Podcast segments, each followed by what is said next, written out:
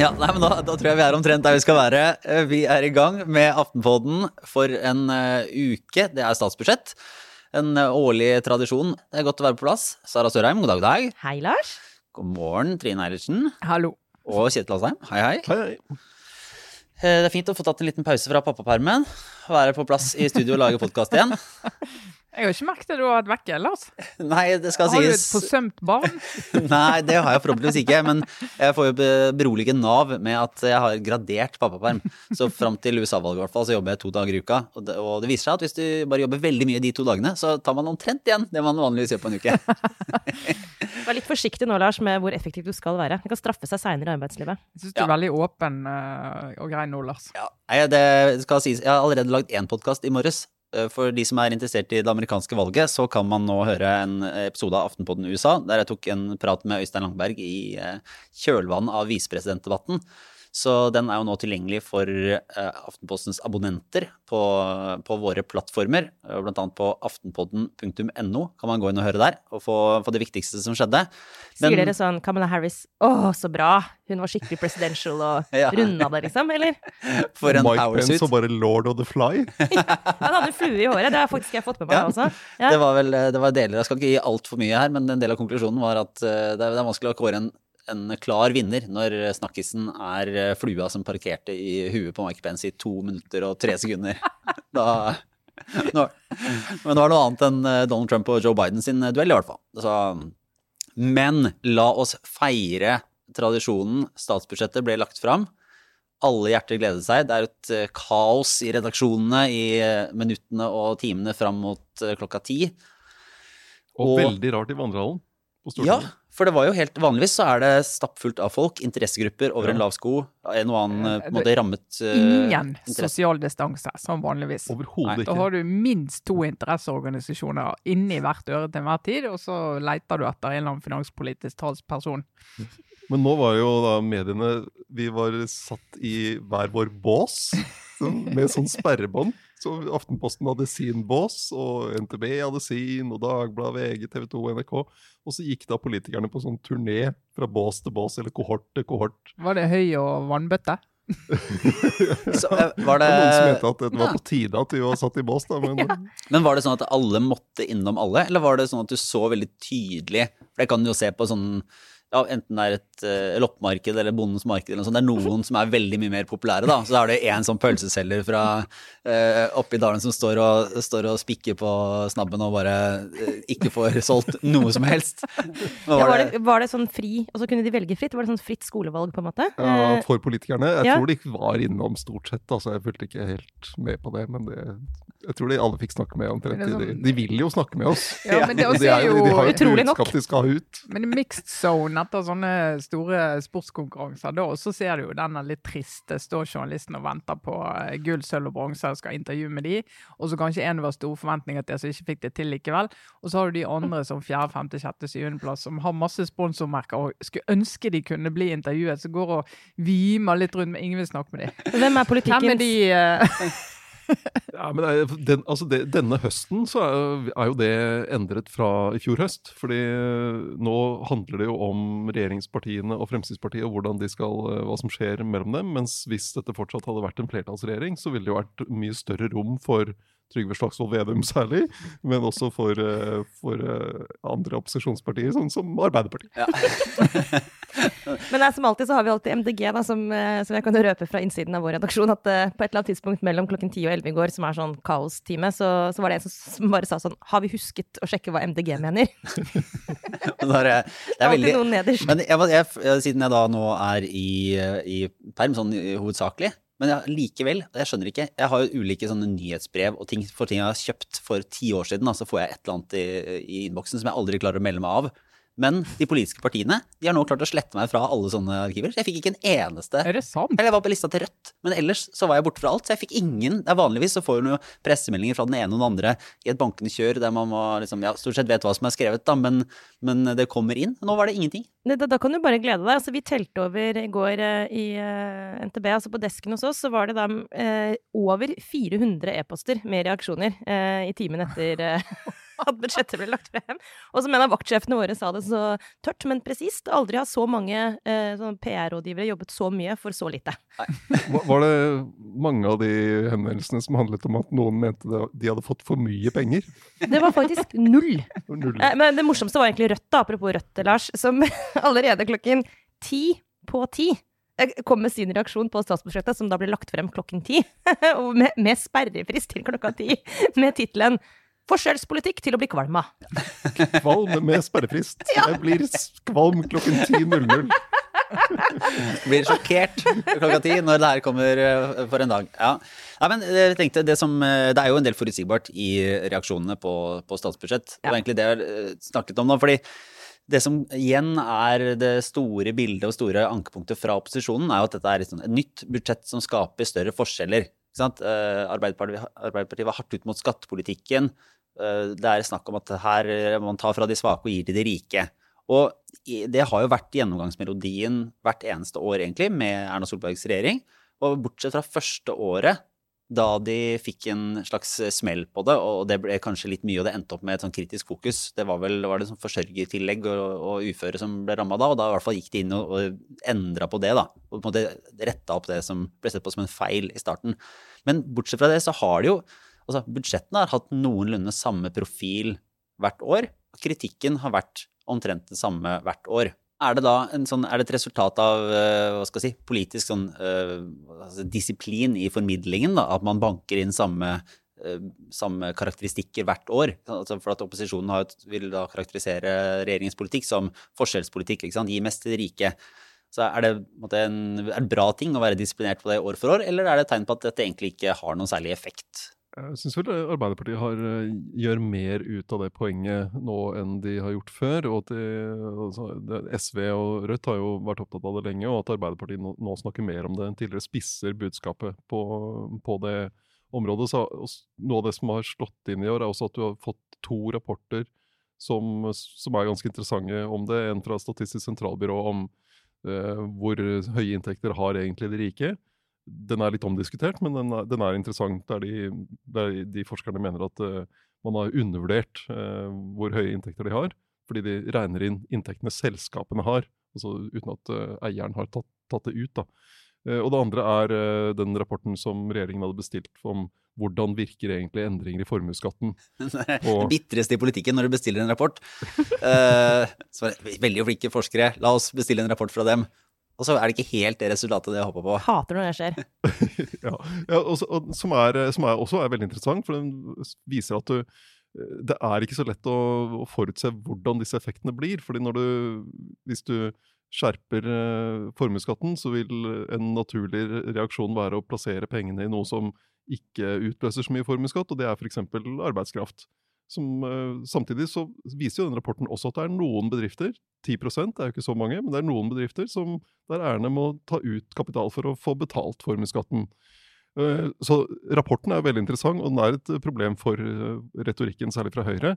Samtidig så skriver jo de forskerne i rapporten at de har ikke sett på, på hva vil det bety å fjerne hele formuesskatten, hva betyr dette for gründere som skaper uh, nye bedrifter. Så det er mange, uh, mange ting de ikke har sett på. Så det er jo ikke et svar på hele formuesskattedebatten, men den nyanserer den. Mm.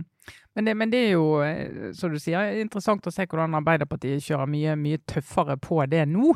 Uh, altså, tøffere på det nå. Altså, jeg mener jo det er helt riktig strategi for opposisjonen å kjøre stødig og fint å lete på etter alt som du kan legge inn i den øker forskjell-retorikken.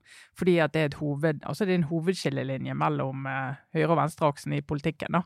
Så at de skal gjøre det. Men det som har vært eh, interessant, er jo å se hvordan eh, Senterpartiet, som jo er det partiet som har vokst mest, som har truffet nye velgergrupper, og som liksom breier seg ut på sak òg, og så vinkler sin pressemelding eh, når de kommer med sine reaksjoner. Dette er et eh, budsjett som rammer vanlige arbeidsfolk. De har en tittel som kunne vært helt klippet ut av boken for både SV og Arbeiderpartiet tradisjonelt sett. Og du skulle, du skulle, skulle kunne tenkt deg at eh, Vedum og gjengen fokuserte mer på at det var raserte distriktene. Som jo ville vært mer sånn eh, stick to Et, message et, for deres del. et. Senterparti på, på 4,5 Mm.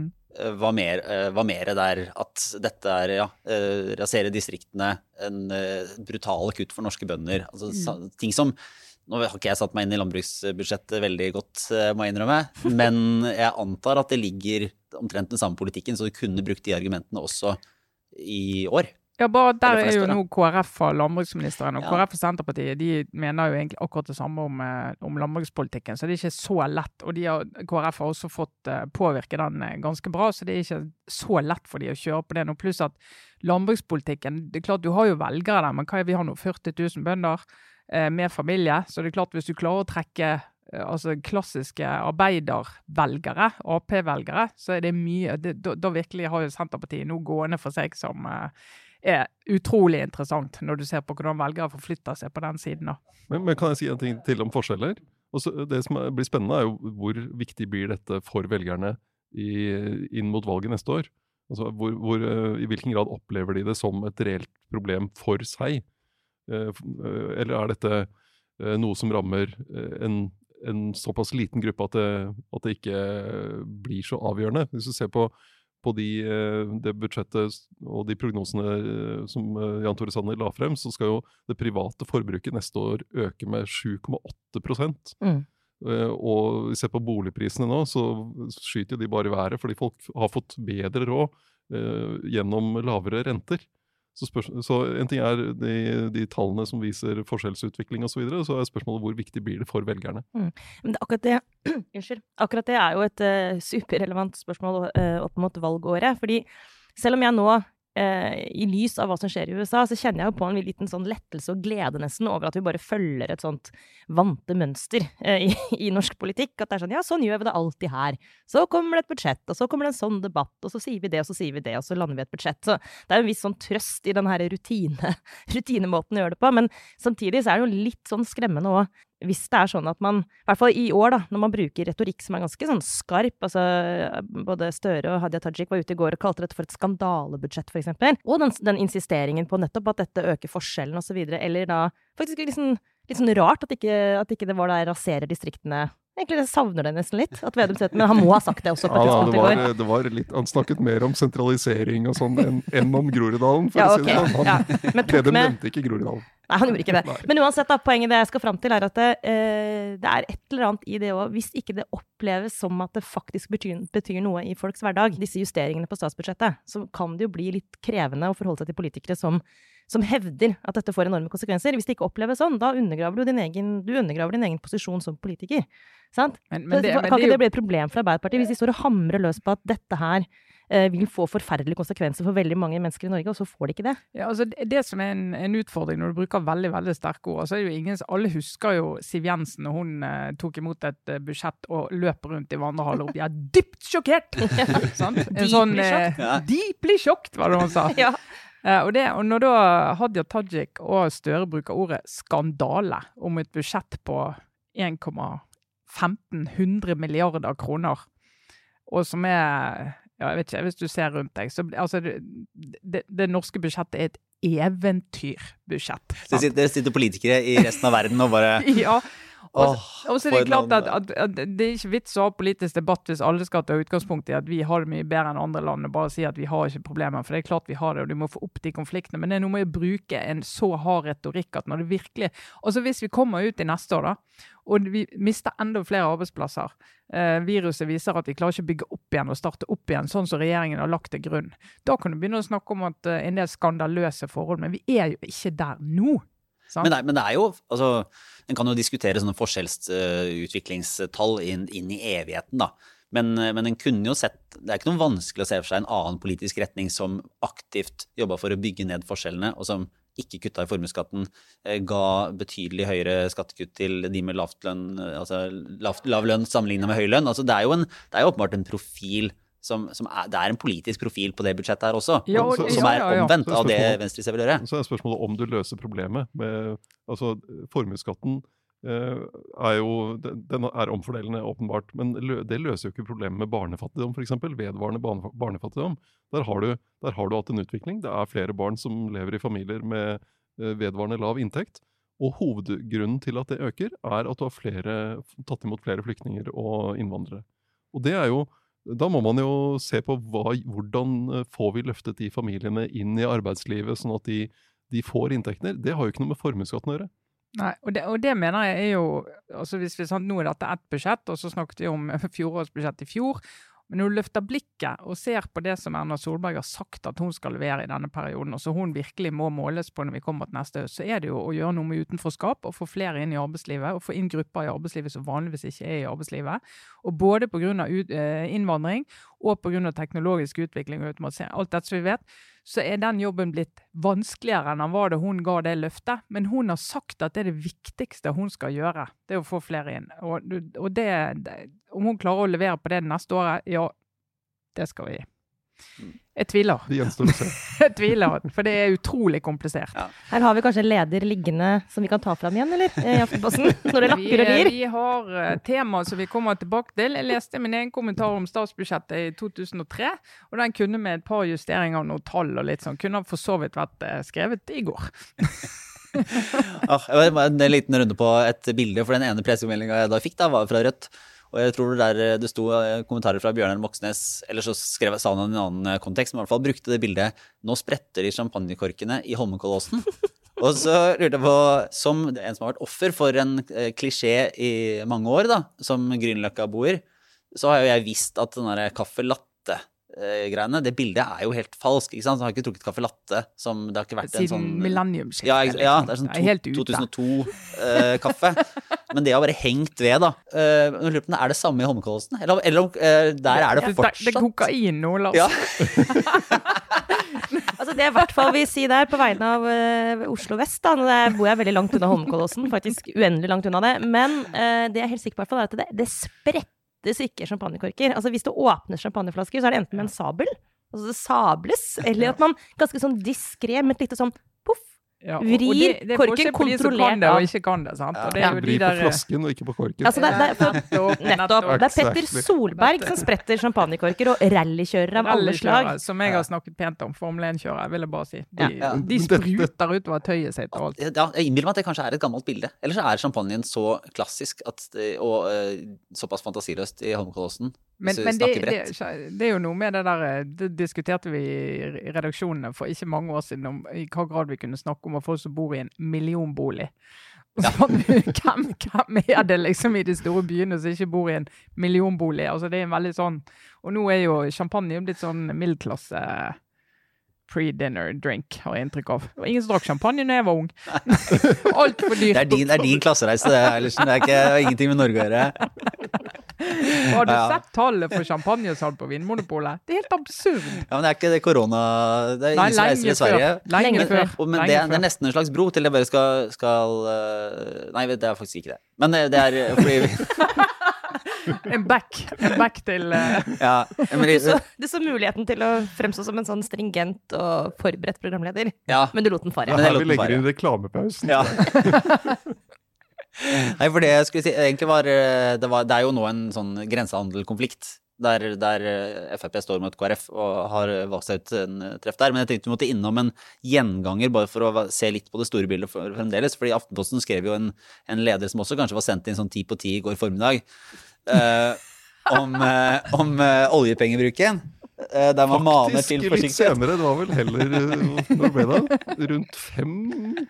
Mellom fem og seks? Ja. ja men det, eh, på makrobildet så advarer jo fortsatt Aftenposten om økning i oljepengebruk. det kommer vi aldri til å slutte med. Nei.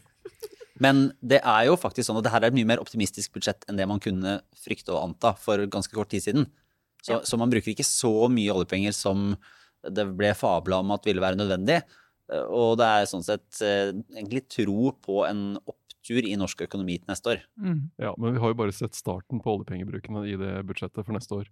Fordi nå ligger de akkurat på handlingsregelen. Så kommer forhandlingene med Fremskrittspartiet. Mm. Så kommer det en uh, ny tiltakspakke for reiselivet i løpet av oktober. Uh, så kommer uh, mer kompensasjon til kommunene, også i løpet av høsten. Begge de to siste tingene skal inn i budsjettet for neste år. Mm. Så legger sammen de tre tingene, Tror vi da at regjeringen og regjeringspartiene og Frp kommer til å bli enige om store kutt på et eller annet for å få rom til ekstra utgifter?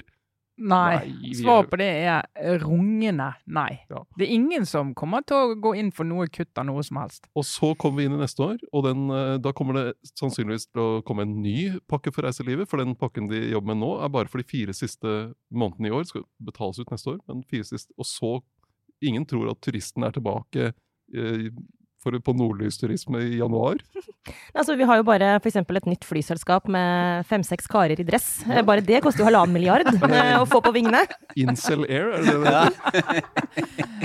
Men er det ikke, er det, har ikke de siste månedene vist at nei, vi kan bare bruke penger? 100 milliarder her og, og 5 milliarder der. Det, det, har jo, det har gått helt fint. Det går jo bare bra. Det er jo småpenger. Oljefondet vokser som aldri før, og dette går veien. Kan bare, bare svi av noen mer penger. Hvorfor skal jeg være så bekymra for det? Nei, altså, det er bekymringen, for det handler jo om hva handlingsrom din skjønne lille datter og mine deilige ja. gutter skal ha når de skal eh, kanskje, om ikke bli politikere, så i hvert fall være med og velge parti og- og 2035. påvirke og bestemme hvor mye de skal bruke på skole og veier og alt det der. Så klart at det blir mindre for de å fordele når de kommer så langt, enn det er for vår generasjon.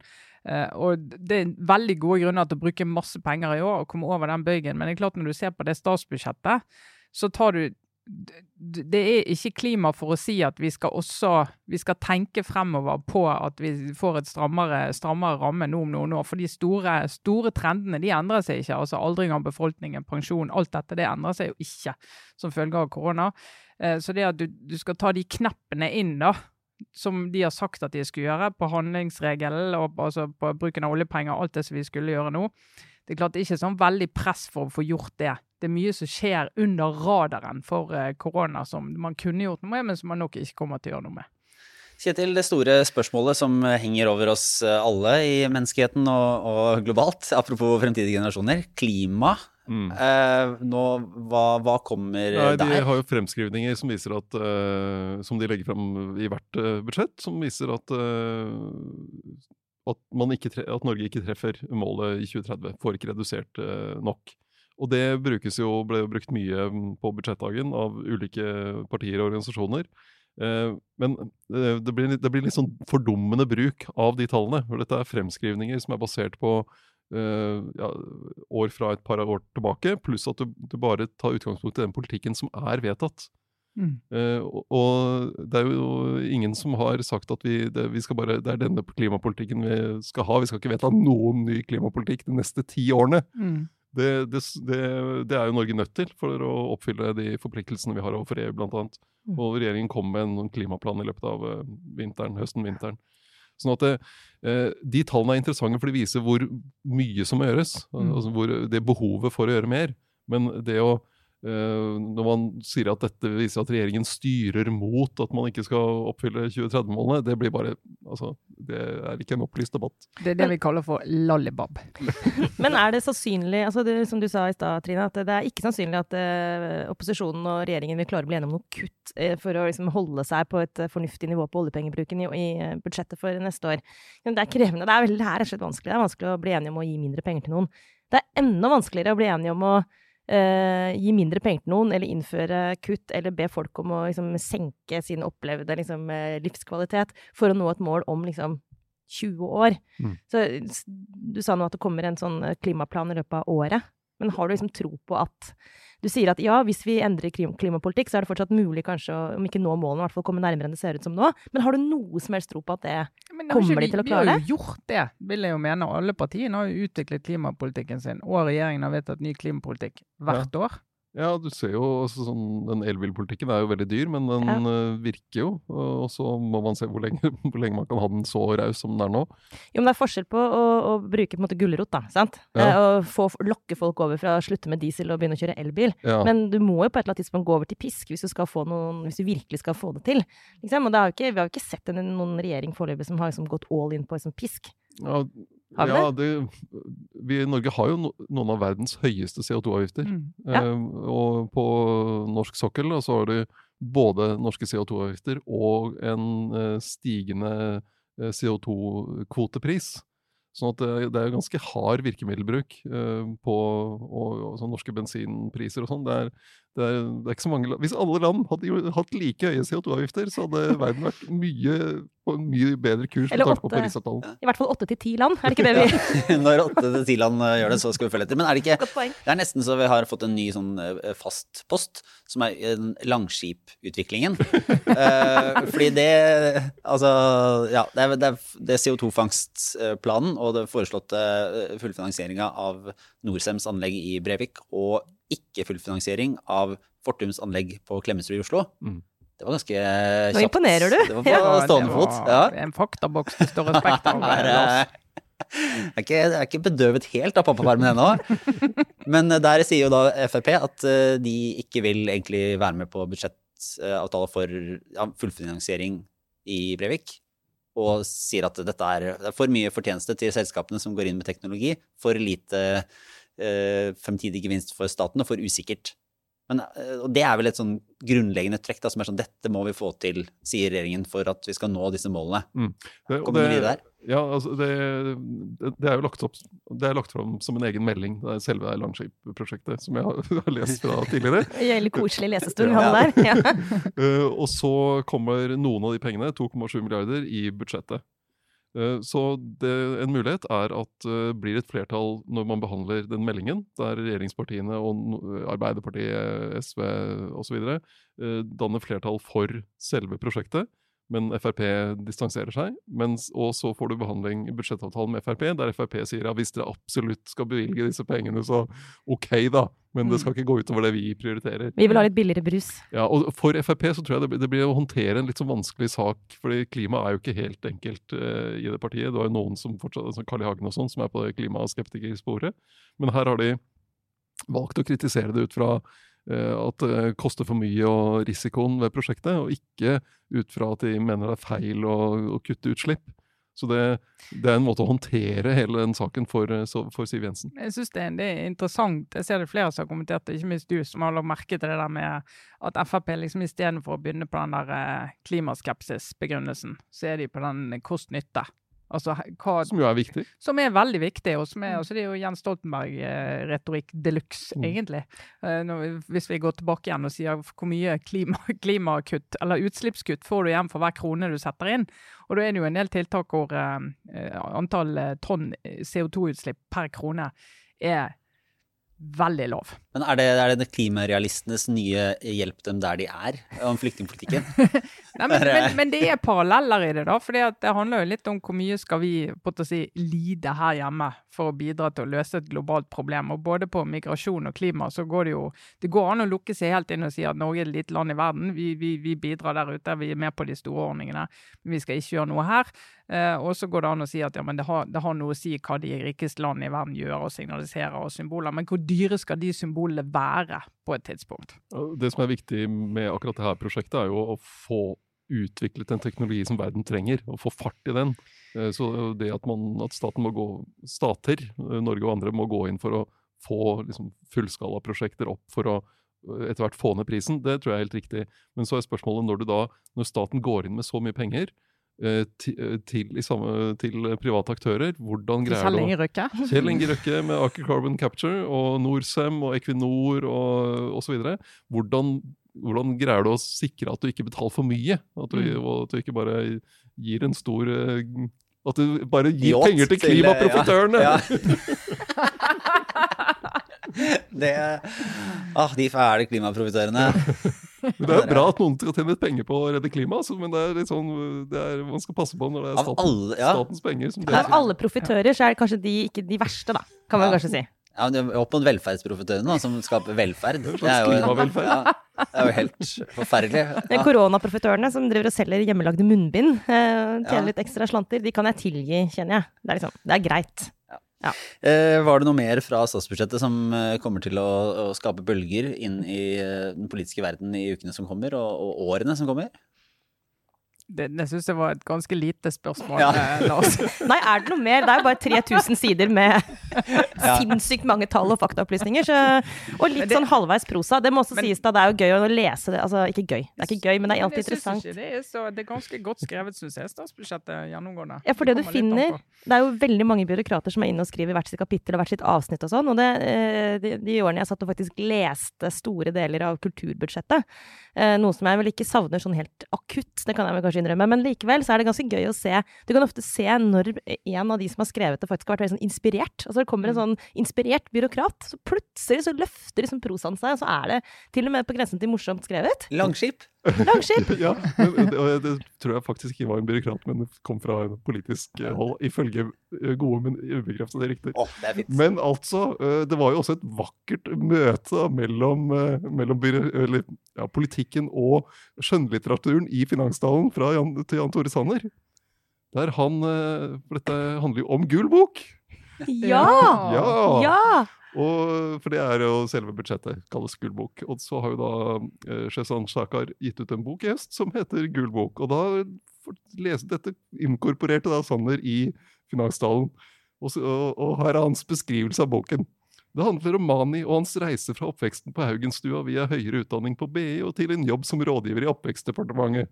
Vi får et innblikk i tankene til en velfungerende og velutdannet ung mann som likevel må manøvrere og forsøke å finne sin plass i en tilværelse med store motsetninger mellom miljøet han kommer fra og miljøet han etter hvert har blitt en del av. Jeg tenker at Det er kanskje greit at det ikke er Sanner som driver i markedsavdelingen i Gyldendal. men men eh, for, eh, altså jeg syns den boka er, eh, er bedre enn som så. Mer spennende. Men nettopp fordi, og det, noe av det den gjør, er å beskrive de budsjettprosessene. Og i en scene så sitter jo da denne hovedpersonen Mani og følger med på finanstalen. Der en, en sånn tilleggsbevilgningspost som han har jobbet masse med, blir omtalt av finansministeren. Så det er et veldig fint metaøyeblikk denne uken. Ah, ja, men det er strålende. Da tror jeg vi tar en runde med obligatorisk refleksjon. Mhm. -hmm. Det er mulig jeg bare kan begynne. Fordi i denne uka så kom det jo også en eh, vanvittig, vanvittig meningsmåling hos TV 2. Ja, herregud, ja. har vi Altså, det er jo helt sant. Det kunne vi i en normal uke som ikke fins lenger. Men i en normal uke ville vi jo starta med å snakke om den. Ja, Ja. fordi var det 18,4? Ja. 18,4% 8,4, som jo er under halvparten av 16,9. 36,9. 36,9, ja. Ja. Og der det da Og like stor som Senterpartiet, var det så?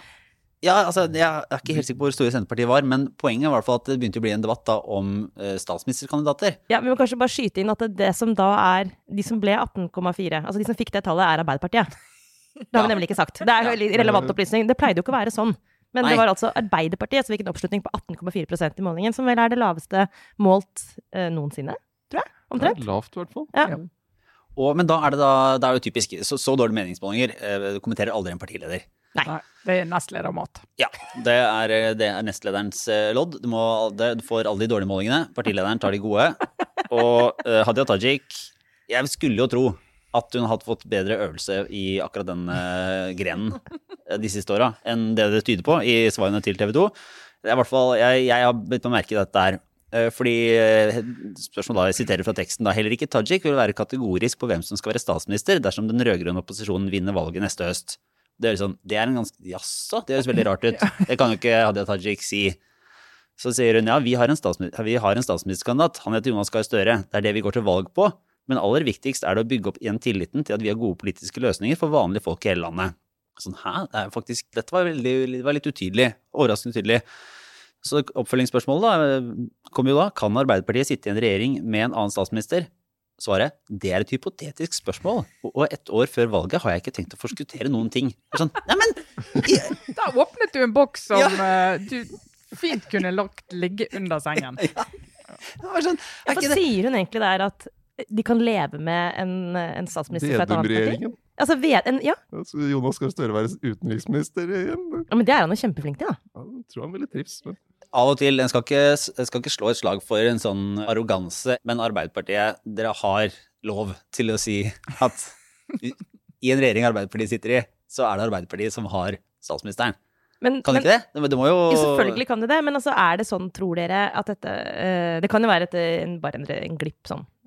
Bare det sånn at du formulerte seg litt dårlig. Eller er det noe mer formulerte seg helt klart litt dårlig. Det gjorde hun. Men altså Bare for å ha sagt det. Altså, er vi, er vi helt sikre på at eh, det er Støre som blir statsminister hvis, eh, hvis eh, venstresiden vinner valget? Altså, er, det helt, er, dere, er dere helt sånn 100% sikre på det?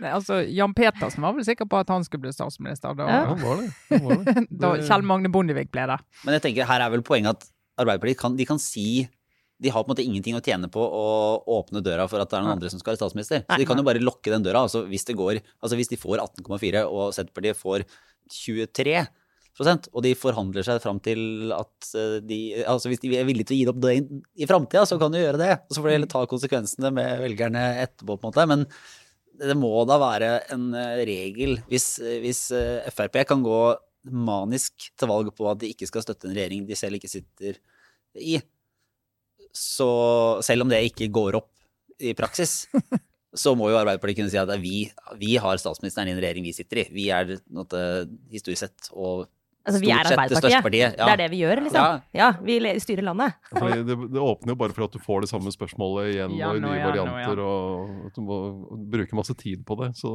Ja, du, må, du må la noe ligge i ro på hylla, og ikke løfte opp alt hver gang du skal snakke om uh, fremtiden. Sier alt er i spill, alt er åpent, hvem vet? Det går, det, det gjør det veldig vanskelig for deg. Det Da får du ikke snakke om politikk, da får du snakke mye om person.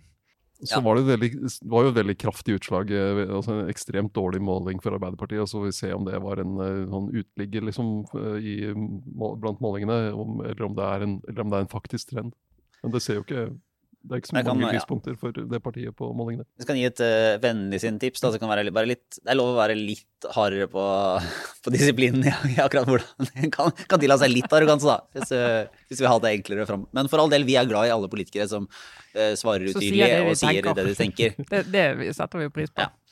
Så det, er, det var nå min eh, lille tanke inn i helgen, i hvert fall. Åssen er det med deg, Sara?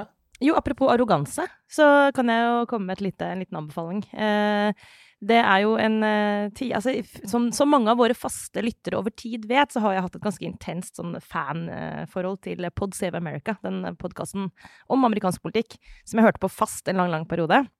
Eh, som syns er veldig morsomme, men som jo har et eh, Hva skal vi si, de tre som sitter i det faste panelet her, de har jo en, en god dose arroganse med seg inn i måten de kommenterer politikken på. De er gamle Obama-rådgivere. Og i en periode nå så har jeg vært litt sånn sliten av at jeg syns kanskje det faktisk har blitt i overkant litt sånn eh, nesten på grensen til nedlatende. Og så er jeg klar over at det her Nå knuser, knus, singler det vel litt i glass her jeg sitter og kaster stein i glasshus, fordi de er jo ikke alene om å kunne være litt sveipende og arrogante. Men uansett, da. Jeg var litt sånn sliten av dem en stund, så jeg har ikke hørt på, på eh, kanskje et halvt års tid. Men nå kommer det en varm anbefaling fra meg igjen på å høre på Pod Save America. Fordi der jeg tidligere kanskje syntes de var litt sånn overdrevne i sin beskrivelse av, eh, av liksom, eh, Trumps eh, presidentperiode, og liksom tenkte sånn at ærlig talt, det er ikke så Trenger ikke å bruke liksom å kline til så veldig mye hver eneste uke. Nå er det sånn, jo. Nå har, vi, altså- virkeligheten innhenta overdrivelse. Det går ikke an å være nedlatende nok i, i møte med det vi ser fra Det hvite huset akkurat nå. Altså, det er så absurd. Jeg merker at jeg er helt sånn jeg er ikke besatt av formuesskatt, jeg er besatt av Donald Trump. Og jeg klarer ikke å la være. Altså, det derre- bare den scenen når han river av seg masken uh, på vei inn i Det hvite hus, sant? når han kom hjem fra sykehuset og står på altanen der, som Christina Pletten har lært meg at det heter, uh, og taler til folket liksom, uten munnbind og, og går inn.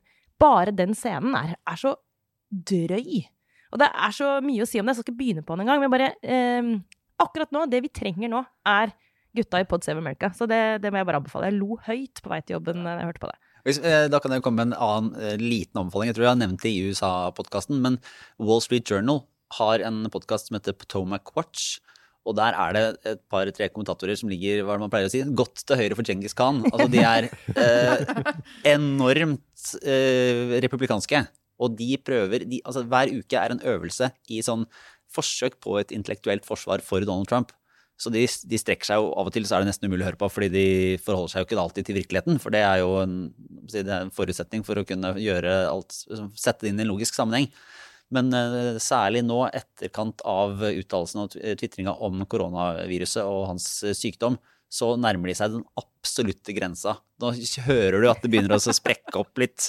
Det er veldig gøy. Og- Det er litt tvil. Ja, da er det på en måte nå Ja, nå, nå, nå er det vanskelig å holde. Der er hun ene, da, hun som heter Kim, er fortsatt eh, banke på.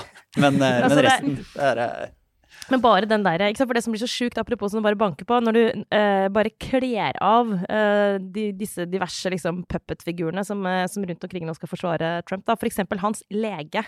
Altså det å høre hvordan de plukker fra hverandre han Sean Connolly, som nesten høres ut som Sean Connery, det er veldig forvirrende, men eh, som jo er den nye liksom, komiske Ali, som står der og prøver å f- på en måte forklare hvor sinnssykt frisk Donald Trump er. Altså, han har flaks for han at han fikk covid-19, for han har aldri vært så frisk som han er akkurat nå. Altså, alle de pressekonferansene som jo er helt utrolig en, altså, Et bevis på hvor galt det kan gå når du, når du snakker som fagperson, uh, men på bestilling uh, fra en, en, en, helt Ja. Jeg skal ikke starte engang. Si at det, det vi trenger nå, er at akkurat de greiene blir plukket fra hverandre og latterliggjort. For det er egentlig det som er helt riktig måte å møte de greiene der på. Så det er et aktivt forsøk på å føre både offentligheten og, og også liksom fagfolk bak lyset.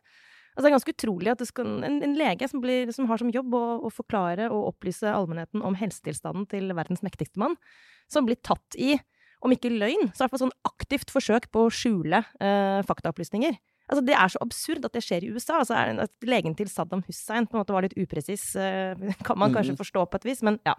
Nei, jeg uh, skal stoppe der. Det, dette er det andre som har sagt litt, noe om. Litt anbefaling. Ja. Uh, og du Trine? Har, du, jeg har ikke bevisst, men det er bare blitt sånn. Så jeg har begått et slags uh, dypdykk inn i fundamentalisme. Religiøs fundamentalisme. Altså, ja. Hvordan sklir man ubevisst inn i det? Altså, YouTube. sitter på YouTube en kveld. YouTube sitter der en kveld, og plutselig så er du i et rabbit hole. Den podkasten må alle høre for øvrig. Ja. Nei, altså, det, det, begynte vel Det begynte vel med Altså, jeg så denne Unorthodox denne serien på Netflix om de hasidiske miljøet i jøder, altså, i New York. Og denne kvinnen som skulle bryte ut, og så en fin beskrivelse av hvor vanskelig det er å, å bryte ut av et sånt miljø. Og så har jeg da eh, fortsatt med å eh, lese Tara Westover, 'Educated', mm. som også kommer fra altså, ikke jødisk miljø, men fra en sånn mormoner ja, Det er nesten ikke en sekt engang, for det er hennes familie som lever omtrent off the grid i, vilt, ja. i USA. Uh, og med en far som uh, tror på alle konspirasjonsteorier, men i hvert fall Gud er sjef. Uh, og så har jeg da i tillegg hørt denne podkasten Unfinished Business, altså andre sesong. Jeg fortalte jo om den Isadora Banks som gikk i sommer, men nå har de en ute om Short Creek, mormonene der. Eh, som eh, The Rise and Fall, holdt jeg på å si, et mormonersamfunn som uh, var en del av uh, det klassiske mormonersamfunnet. Brøt ut av det da myndighetene begynte å jakte på polygami. Laget eget, sitt eget samfunn der polygami lever i beste velgående, gjør det fremdeles. Og hvor deres nå åndelige leder, da Warren Jeffs, han sitter jo fengslet for både overgrep og bidrag til voldtekt og, og alt som er. Har vært en av USAs mest ettersøkte menn for øvrig. Men det som er med alle disse samfunnene, det hasidiske jødesamfunnet, eh, den Tara Westover sin eh, familie, eh, dette mormonersamfunnet, det de har til felles, da, det er jo denne her, eh, også du ser i alle som fundamentalistiske miljøer. Og det, det handler litt om hvordan håndterer vi de som velger på grunnlag av religion å leve på en helt annen måte. Uh, gjør, har regler for seg, sine barn, uh, måter å leve på, måter å leve sammen på, som er helt absurd sett med storsamfunnets øyne, og som storsamfunnet har behov for å gripe inn i. Av hensyn til de menneskene som er der. Og det som du ser i alle disse samfunnene, er at jo mer storsamfunnet prøver å gripe inn, jo mer sammensveiset blir de. Mm. Og jo lettere blir det for maktpersoner i de miljøene å si se hva som skjer hvis ikke vi står sammen. Da kommer de og tar oss og begynner å fortelle oss at vi ikke skal tro på det vi tror på. Eh, Satan kommer inn. Eh, hasidiske jødene kan vise til holocaust, hvor galt det gikk. Vi er nødt til å stå sammen hvis ikke dette skal skje oss igjen.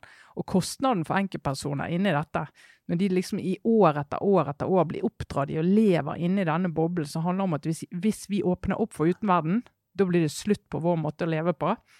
Enorm. Den kostnaden er enorm. Men det er også en sånn til et storsamfunn, for disse her er Short Creek-mormonene. De blir jo reidet av eh, delstatens politistyrker i 1953. Barn ble fratatt eh, Kvinner ble fratatt barna sine. Fikk de etter hvert tilbake, men det var en utrolig traumatiserende opplevelse. For de kom politistyrker inn i hjemmene, tok ut mennene, satt de i fengsel. Eh, barna ble plassert i fosterhjem. Utrolig dramatisk som er en utrolig viktig historie for de når de skal fortelle se hva storsamfunnet gjør. Ja, Det blir en av prøvelsene som det blir en av eh, prøvelsene. Gjennom, ja. vi, må, vi, må, stå sammen. Vi kan ikke stole på de. Men det viser jo hvor vanskelig det er da, som storsamfunn, da, ja, eh, å skulle gå inn og Nettopp, ikke sant. Altså, hvilke tiltak skal du bruke da? Og det gjelder jo Vi har jo sannsynligvis eksempler også her i Norge på sikkert mindre, men likevel miljøer hvor det er, uh, hvor det er liksom fundamentalistiske Men det har vi. Både ja. kristne og muslimske miljøer i Norge, som jo er et lite gjennomsiktig perfekte samfunnet, der vi tror at ja, men vi har jo enhetsskoler, vi har liksom bra kontroll på alle. Altså I USA der kan du liksom drive med homeschooling og melde deg helt fullstendig ut av alt sammen. Kanskje du i samme grad her, men du kan gå inn i religiøse bobler. da. Og så er det jo lett å si ja, men vi må bare gå inn og si at alle skal gå på den skolen. Vi må bare gå inn og si at det er ikke lov med det, det er ikke lov med det. Og det, det går jo an å ha sympati med. Men når du da ser reaksjonen i de miljøene, hvordan de bare låser seg inne, og hvordan det å ta steget ut fra det miljøet, prisen for det blir så høy at det er nesten umulig for et enkeltmenneske å gjøre det. Ref. uh, Unorthodox og hun uh, asidiske kvinnen som gjorde det, fordi at det er så ugjenkallelig. Du mister kontakt med alle du har. Så er det, det, altså det er en interessant diskusjon. Hvordan skal vi håndtere det? Og da er vi igjen tilbake igjen der at endringene de må faktisk komme inn fra miljøet. Sånn som i det mormonersamfunnet i USA nå, så har de jo en diskusjon som de tar, mens ikke de blir påført av andre. da. Og den balansen er ganske vanskelig å stå og se på for et storsamfunn. Mm. Men det er en av, de, en av de stedene også hvor det med sivilsamfunnet eh, også er et poeng. Altså det, der, eh, det er ikke alltid det er sånn at det, på en måte når staten kommer og griper inn, eh, at nettopp at det kan, det kan slå backlash. Men eh, tenk så altså den derre vanvittige betydningen av en voksenperson som så deg, en nabo som inviterte deg på middag, en lærer som ikke sånn gjennom å true med barnevernet, men gjennom bare å vise interesse, Mm. eh, liksom, vinner tillit over tid. Så det der er faktisk et veldig godt eksempel på at det er en sånn, det er sånn felles kollektivt ansvar som, som alle har. I å Mm. liksom plukke opp de som trenger deg der. Og det kan du egentlig ikke Du kan, du kan ikke styre det nødvendigvis ovenfra og ned, da. Det er veldig fascinerende. Veldig gode anbefalinger. Jeg har ikke sett eller lest eller hørt noe av det du snakker om nå, så det skjønner jeg at her har jeg en jobb å gjøre, Trine. Ja, veldig Ja. interessante og ekstreme ting. Og det er klart I USA så ble grunnlagt langt på vei på at folk skulle få lov å utøve sin tro som de ville. Mm. Eh, for det var jo mange de dro jo fra Europa Mm. fordi de ikke fikk lov til det. Så er den kampen eh, veldig ekte den dag i dag. Ja, så er det jo, altså, den endringen må jo komme innenfra. Samtidig så er det jo sånn at et storsamfunn kan jo ikke heller la være å gripe inn når barn mishandles eller sviktes, eller altså, sånn at, som er, er kjempevanskelig. Veldig reelt vanskelig. Mm. Men det var en rekke anbefalinger. Vi kan jo si at vi legger alle i eh, nyhetsbrevet som kommer hver torsdag. Som, Som jeg kommer- må, skri Som du må nå- skrive nå, siden jeg er vikar for deg. For du Ja. er jo egentlig uh, ute og triller. Ja. Ja. Så det er av og til så fungerer det sånn at uh, vikaren er betydelig mer kompetent enn uh, den faste ansatte. Vi får se, men skal jeg komme med en anbefaling jeg også? da? Ja, veldig gjerne. Så Ja. får du mer å skrive. Ja, ja, men Da anbefaler jeg jo selvfølgelig Gul bok. Hvem av dem, eh, Kjetil? Ja, jeg tror jeg holder en knapp på den skjønnlitterære, men folk er forskjellige. Så det. Og så eh, en, eh, en TV-serie. Jeg har ikke sett hele, jeg har bare sett første liten dokumentarserie fra BBC, BBC2, tror jeg, eh, som er om dynastiet Murdoch. Og alle de av oss som har kost oss med Succession, og venter og venter og venter på sesong tre, og det blir lenge til den kommer, så er det, det er den, kan den være interessant å se. Eh, Den, eh, den fikk eh, ikke så veldig god mottakelse i Sydney Morning Herald, som er en av de få kanskje avisene i Australia som Murdoch selv ikke eier. Eh, Fordi det var, de syns ikke det var noe særlig nytt. Og det, det er nok riktig, det er ikke så mye nytt i den, og de har ikke fått Murdochene til å stille opp. Nei, men man Men trenger jo ikke noe nytt. Den Nei, historien de er jo vanvittig. Den første episoden handler jo om forholdet mellom Rupert Murdoch og Tony Blair. Og det er jo bare fascinerende hvordan Tony Blair dro til Australia, til en sånn øy, resort, og for å, for å ø, please Rupert Murdoch, for å få hans støtte, og fikk hans støtte. The Sun gikk ut og all in for New Labour. Ja. Eh, Noen av oss det- mener at dette her er langt verre uh, enn det Blur gjorde i forhold til Irak. Altså, det Men det henger jo også sammen. Ja. Som, som de sier i den, eh, ble sagt i den eh, dokumentaren, at Tony Blair snakket jo mer med Murdoch om Irak enn med forsvarsministeren sin. Men det var ja, det kan vel, altså, onde tunger ville at det var møtet der Tony Blair solgte sjelen sin og sjelen til Labour for i 15 år. Se Sara nå, dette er så vondt for vår eh, jo sjefen da- i Tony Blair fanklubb uh, jo Norway. Klipp, det er jo klipp fra den høringen uh, som var i parlamentet i, i Storbritannia Ja. om, hele, om presseetikken. For det var en kjempeskandale i News of the World, som også kommer, eh, er med i den dokumentaren. Nei, Og der Tony Blair Blair Ja. sitter, og du ser han liksom Ja, det var et valg jeg gjorde, og det kan man diskutere! Det er så ufattelig flaut. Akkurat det. Det er så smertefullt å tenke på at, det, nei, at jeg, orker, jeg orker nesten ikke. Men den makten Rupert Murdoch har, altså med det Ja. eierskapet han har i eh, britiske medier, amerikanske Fox medier, Fox News, australske medier Bare på klimaområdet, eller bare på klimaområdet, på klimaområdet så er jo han en av de viktigste årsakene til at verden ikke er kommet lenger i klimaarbeidet. Ja, nei, men Da tror jeg vi runder av eh, og er tilbake neste uke med mer eh, norsk politikk. Det, var, eh, det kommer sikkert ting fra budsjettet som dukker opp i ukene som, eh, som er her også, for det blir jo forhandlinger i Stortinget om eh, hvordan det her skal etableres med et flertall. Så, så det fortsetter utover, vår, utover høsten, er vi på nå, er det ikke det? Jo da. Prøver Sove litt mer du, Lars. Vi sier igjen, vi kommer med en fersk ekstra Aftenpodden USA-utgave i morges eh, torsdag, og der ligger det flere som, eh, som er tilgjengelige, bl.a. på aftenpodden.no eller via Aftenpostens plattform. Så det er eh, på plass, og det var det. Ha det bra!